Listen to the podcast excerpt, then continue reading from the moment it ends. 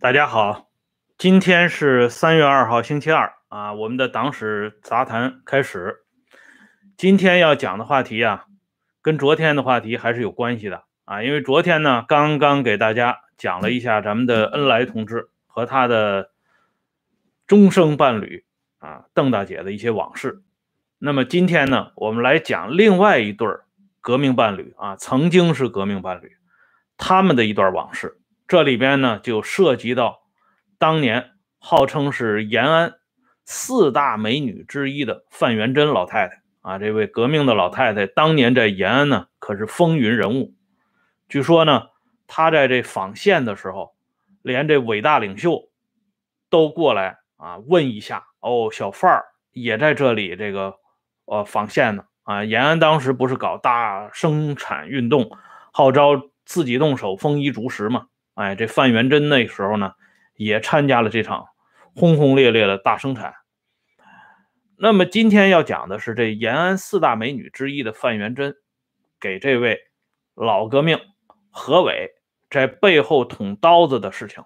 本来这个话题呢，一般人还真不知道，因为这个事情呢是发生在文化大革命当中啊，而且呢，范元贞我们刚才说他是在背后捅刀子。那既然是背后，那能有多少人知道呢？除了这个中央专案审查委员会主要负责同志以外，可是啊，很多事情就是这样，本来呢是民不举、官不究的事儿，可当事人自己按捺不住，他偏偏就跳出来了。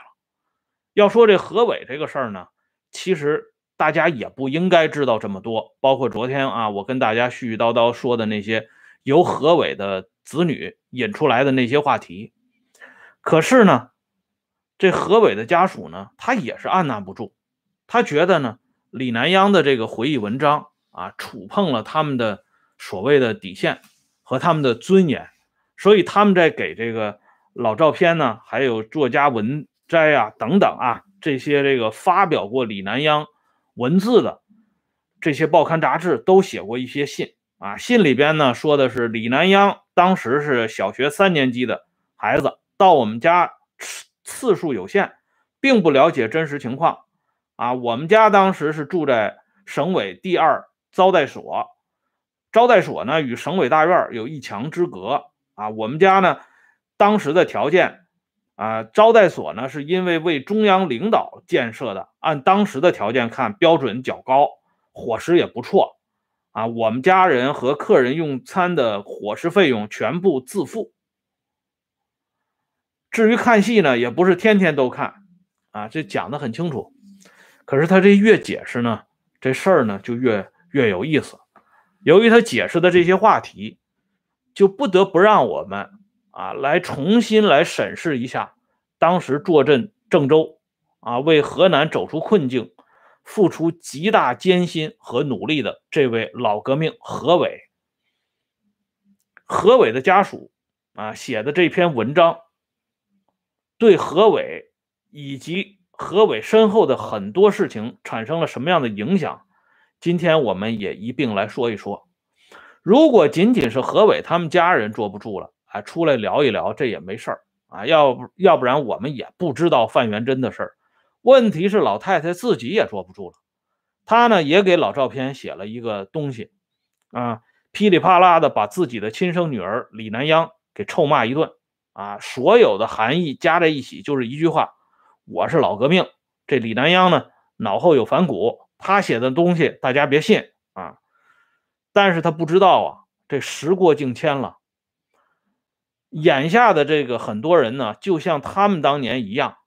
这人都有逆反心理，当年这国统区的呃党和政府也告诉这青年人啊，别相信延安的那一套。可是青年人呢，偏偏他就不听，他就爱往延安跑。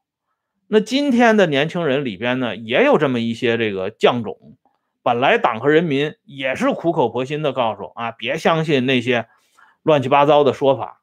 可是呢。这年轻人也是好奇，这一好奇呢，问题就出来了。我们往下看啊，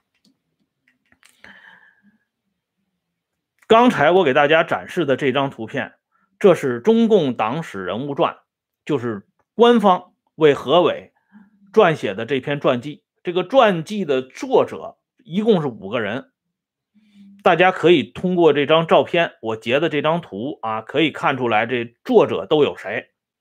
那么下边呢，我们再来看一下何伟的家属啊写在老照片上边反驳李南央的文章，这个作者呢都有谁啊？有姓陈的，还有这个姓霍的，还有姓何的。这何生呢？就是何伟老先生的女儿。为什么给大家看这个作者呢？因为这两两篇文章，一个是官方出版的传记，一个是以何伟家属为主的回忆文章。这作者他不是一拨人，哎，所以呢，这个事儿呢就出在这儿。大家看一下这段描述啊，这是何伟的家属。写的这文字啊，原文刊载在老照片上边。这里边的这段话，大家可以通过这图片看到，一九六三年啊，何伟在当时看到很多人啊，就是河南当地的这个老百姓呢，到豫东各地调查情况。看到人们成群结队的趴火车啊，外流啊，逃荒要饭，这是一段话。这话我就不全给大家念了啊。再看一段话，这是第二年春天，这何伟再一次、第三次来到兰考，看到满处炮筒，郁郁葱葱，沙地上摘了纸碎槐啊，盐碱地里已经挖了排碱沟。这段话。啊，我也给大家发上来了。这个时候呢，大家或许要问，这什么意思呢？咱们往后看啊，再看这《中共党史人物传》里边的这两段描写，也是一九六三年三月何伟啊怎么样怎么样，看到那趴火车的那个话啊，在豫东各地了解情况时，看到人们成群结队的趴火车外流。啊，并听说兰考县外流人员已达数万人，这是一段话。底下还有一段话，就是第二年春天，何伟第三次来到兰考，看到炮筒郁郁葱葱，沙地种上了紫穗槐，盐碱地挖了排碱沟。这两段描述啊，大家反复看一下。第一段除了个别字眼有所改动以外，基本上是一个字不差。那第二段就是第二年春天，何伟第三次来到兰考县的这段描写，连里边的形容词郁郁葱葱都一模一样。而我刚才给大家展示过，这中共党史人物传给何伟写传记的这人，和这个老照片写何伟同志在河南的，这不是一拨人，这是两拨人。可是这两拨人里头能写出一模一样的文字，这个我觉得挺有意思的啊！如果不是因为这老革命的后代，普通老百姓写这么一个东西，咱们是不是可以说他们是抄袭呀？哎，至少是这个低层次的模仿。哎，这个挺有意思的啊！我们再往下边看啊，再往下边看，这就是引出。延安四大美女范元贞啊啰里啰嗦的那非反驳的话的，就是李南阳回到北京以后啊，这妈妈范元贞就问他啊，在这河南玩的怎么样？李南阳呢就讲了在河南怎么吃的好啊，怎么住的好，怎么玩的好。然后范元贞就提到说，没想到啊，这何伟啊，这革命意志会这样消沉。这段话发出来以后呢，人家何伟的家属也不干了。何伟同志的革命意志啥时候消沉过呢？不仅何伟的家属不干了，啊，老太太范元贞也不干了。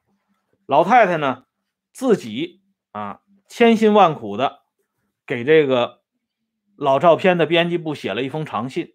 这信的题目呢，就叫揭示童年所忆的真相啊。这开篇就说老照片第五十三集刊登的李南央所写的文章中涉及何伟同志的情节啊，自有当时在场的人说明真相。这范元贞呢，啊啰里啰嗦的说这一大堆的东西啊，我们就不给大家念了。最后他说了这么一段，他说啊，李南央编造啊什么妈妈轻轻自语，没想到何伟的革命意志会这样消沉。他这种编造明明在污蔑何伟，却在文章下边假惺惺的写道，觉得自己似乎说了对何伟伯伯不利的话，觉得对不住他。装扮成心地善良，啊，要说这大义灭亲呢，这范元贞绝对是在北京的这些老干部里边算是有一号啊。先是这个灭了自己的丈夫李瑞，后来呢又把自己的女儿李南央也给灭了，顺带着呢把李南央这个女儿呢也差点给灭了一道。哎，这老太太真的是不愧是延安培养出来的四大美女之一呀！哎，确实是。一心一意跟着咱们党和人民走到底的，问题是，他这里说的这话啊，说这李南央是这假惺惺的啊，这个假装自己心地善良。那言外之意，李南央既然是假装心地善良，那自然是咱们这范老太太她是真的心地善良的。可是啊，这历史呢，他就不一看核定本。我们来看一下这核定本啊。这是李南央后来编的一本书，叫《我的父亲李瑞》。在这本书里边呢，转述了李瑞的一个回忆啊，这个事儿就挺有意思了。这张照片呢是李南央当时跟他的亲妈范元贞一起的合影。李瑞平反以后，何伟。的老伴儿孙怡锦老太太见过李瑞，跟李瑞谈起了一段往事。他说，文化大革命当中，作为何伟的学生，啊，也是何伟最看重的女学生范元贞，确实揭发过何伟革命意志衰退，白纸黑字啊。白纸黑字写的是清清楚楚，所以李南央说嘛，他说也许某一天这份材料会出现在潘家园的市场上，或许呢能够拿到一个旁证。哎，那么这样看下来呢，谁是假装的心地善良，谁是真正的心地善良，恐怕就不完全由范元贞一个人说了算了。而何伟的这真实的形象呢，当然也不会仅仅由李南央或者是何伟的家属来说了算。讲了这么一段时间关于河南的这一段故事，大家呢应该能够看得清楚，不光能看清楚咱们的伟大领袖恩来同志，还有邓大姐，包括当时风尘仆仆的何伟何书记。以及啊，站出来给何伟何书记撑腰的范元贞老太太。这范元贞这老太太呢，李南阳曾经在他的回忆文章里边说过，这老太太因为是延安出来的嘛，所以后来到了老姜的时候，就曾经下过一道命令，德政啊，给这些延安出来的老干部都配享副部级待遇。哎，所以这范老太太平生最看重的，就是她出门这要车啊，要这个小轿车，是不是能够在最快的时间内赶到他的面前？这革命了一辈子，到了最后最看重的就是他的这个政治待遇。这美女的标准啊，各个时代都不一样啊。所以呢，呃，既然当初好多人众口一词。说这范元贞是延安四大美女，啊，应该算是美女吧？因为我们也没有生活在那个年代，我们也没有真实的见过那个年代最真实的美女长什么样子啊。那么接下来呢，我们来看一下，刚才这个何伟的女儿，他们写的那篇文章里边提到一点，说他爸爸何伟到河南之后是住在招待所，而不是真的有一小洋楼啊。我们住在招待所，招待所是因为给中央领导同志建的，所以这个规格呢肯定要高一点但是呢。我们读懂了他的言外之意，就是说，实际上人家何伟同志住的呢，并不是那么奢华。然而，我们看一下这本书，这本书的名字叫《笔记陶铸》，这是跟陶铸接触过的各级领导同志写了一本回忆陶铸的书啊，就是给陶铸歌功颂德的。大家看一下这出版社，人民出版社。凡是这家出版社出的东西呢，都是给党和人民唱赞歌的啊！当然，别的出版社出的也是唱赞歌的，只是人民出版社啊唱的是最响亮的。在这本书里边有一个回忆，就是一个叫鲁振清的人。这鲁振清是什么人呢？他是啊，鲁振畅，这个人是陶铸的警卫员，一九五五年。到陶铸身边工作，这里鲁振畅有这么一段回忆，我们来看一下什么叫住在招待所。陶铸是当时的广东省委第一书记，那时候呢还没坐上这个国务院副总理的位置啊。然而，就是这个陶铸这个人，我们知道啊，号称是。刚直不阿，两袖清风。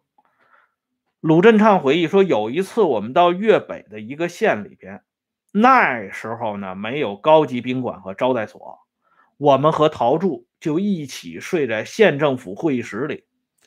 可是县委的同志为了陶铸的安全，就在住所附近增派了一些执勤人员。陶铸知晓之后，坚决让他们。撤离，并且批评党员不应该搞特殊。如果不是咱们这位警卫员鲁振畅回忆，咱们还不知道。合着这首长啊，即便是住不上高级宾馆和高级招待所，就算住在办公室里边，人家也有办法，也有程序，让首长享受到首长应该享受的政治待遇。哎，人家加。加强这警卫工作，加强流动哨，加强岗岗哨，啊，所以这鲁振畅的回忆，再配上刚才何伟他姑娘的那个回忆，我们往一块儿一对比，也就知道了，这领导同志到了这个地方之后，人家是有一套程序的，哎。人家的这些特殊待遇是按照程序来走的，所以有些事儿呢，我觉得千万别解释，这越解释呢，内容越繁杂。这样呢，我们再来重温一下刘顺元老先生那番教导，他讲的这话：中国人官瘾大，嗯，绝大多数过去做官的人都是。心是黑的，手是辣的，哎，小干部开后门，大干部送上门，老干部骂山呃，老百姓骂山门，哎，所以从这个刘顺元老先生讲的这些话里边呢，我们就可以看到什么叫特权。但如果仅仅是看到这些东西，那还不够，因为还是这个何伟老先生的回忆啊。再看一下这“为人民服务”这五个大字，大家就更能理解什么是人民，到底为谁服务啊？所以呢，千万别把自己随随便便的就混同于人民啊！不要以为《人民日报》那就是你能够随随便便看的、能够看得懂的东西。这里呢，我给大家看这么一个东，这么一首诗啊，这是何伟后来去世以后啊这些老同志们呢悼念何伟。一九七三年三月九号，何伟在北京含冤去世。啊，这是家属说的。他去世以后呢，和他一起工作过的许多同志前来吊唁。这何伟的老伴儿孙怡锦收到很多悼念何伟的诗词，还有挽联儿。其中有一首呢，追念何伟的诗写的最好，因此被录入到《中共党史人物传》第三十七卷当中来。这首诗呢是七律啊，我先给大家看上半阙，这里边有两句话挺有意思，叫“悔弃黄忠金为土，雷鸣瓦否鬼成仙”。哎，说的呢就是正经人呢都完蛋了，而这些不三不四的人呢。都一个个扬眉吐气，哎，这段话呢写的挺有意思的，但是你光看这半阙诗呢，我觉得可能还不如看下半阙，这下半阙写的就更有意思了。啊，这下半阙诗呢里边还有两句话：斗士细语论国事，共信腊尽是春天。啊，城狐有数道红旗。老牛无忌逃皮鞭，哎，就是说这坏蛋呢，这捣鬼永远都有数有数啊，也有效。可是呢，甘愿为人民当牛做马的呢，老牛无忌逃皮鞭，想逃过这皮鞭子，你逃不过去。最有意思的是最后这句话：“共信腊尽是春天。”这腊字是腊月的腊，这诗呢，据这个传记的作者说，这是对何伟和所有受迫害的同志的深情怀念和哀悼，也是对林彪、江青一伙的愤怒声讨。这没问题。这腊是腊月，就是说腊月冬天最艰难的时候过尽之后，就是春天了啊，就像今天我们现在就是春天。但问题是这首诗啊，咱们知道这中国这个古代的诗词为什么老出毛病，就在于啊，它这个字面含义和引申含义，它往往有冲突。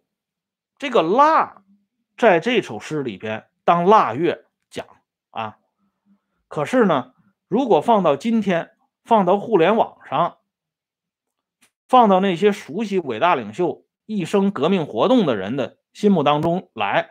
这“辣”字是不是就跟那个烧腊的那个“腊”字，呃，就一模一样了呢？那最后他所说的“共信腊尽是春天”，啊，是腊月过去了呢，还是这个烧腊产品过去之后是春天呢？这就产生歧义了。所以这首诗呢，也是万幸，在上个世纪七十年代末八十年代初出现的，大家那个时候呢。心里头呢还没多想，这诗要发到今天，发到每某些啊特别热爱伟大领袖和革命导师的那些论坛上去，我估计不介绍一下背景，肯定要出事儿，肯定有人举报啊！什么叫共信腊尽是春天？说谁呢？哎，所以呢，如果没有何伟这家属呢？写的这一系列反驳这个啊，这李南央的文章，咱们怎么能有机会一下子又把何伟老先生当年的这些事儿都翻出来，以至于咱们看到这个这首特别奇怪的诗啊，能有这么多乱七八糟的联想呢？这都不怪我们呐，跟我们一点关系都没有，怪就怪啊，怪谁呢？那就像伟大领袖说的。恐怕只有天知道啊，怪谁谁知道。好了，咱们今天呢这话题呢就说到这儿了。但是这话题没说完，因为这个事儿啊，李南央写的这回忆这文章这事儿发酵了。不光他亲妈范元贞不高兴了，连他亲爹李瑞老先生也不高兴了。这李瑞呢不高兴之后，李南央有一个具体的回忆。通过李南央的这个具体的回忆，又让我们看到了除了啊领袖啊，这恩来呀、邓大姐呀还有这何伟老先生啊，还有这范元珍老太太之外的一批老干部的形象的另一面。这批老干部是长期奋斗在炎黄春秋这块阵地上的，他们被称之为两头针，啊，就是晚年觉醒，早年呢顿悟，晚年觉醒，这叫两头针。啊，这些老干部呢，历来都在咱们这个盐碱地呢，被很多青年知识分子或者是中老年知识分子所啊热爱，甚至呢说歌颂，认为他们很了不起，敢在这块土地上发表不同看法、不同意见，他们也确实了不起。但如果就这么啊了不起了不起这么称颂下去，咱们这党史节目就不谈了。啊，咱们不是人民出版社啊，没有歌功颂德的义务。问题正是由于这何伟的这段事情给纠缠出来了，所以包括李锐在内的这一大批两头真的老干部形象的另一面，也因此露了出来。这件事情呢，也是由李南央女士回忆引出来的。那么具体怎么来龙去脉呢？咱们留待明天接着说。感谢朋友们上来支持和收看，欢迎大家关注“温相说时政”会员频道，每天都有更新。今天的话题说到这里，再见。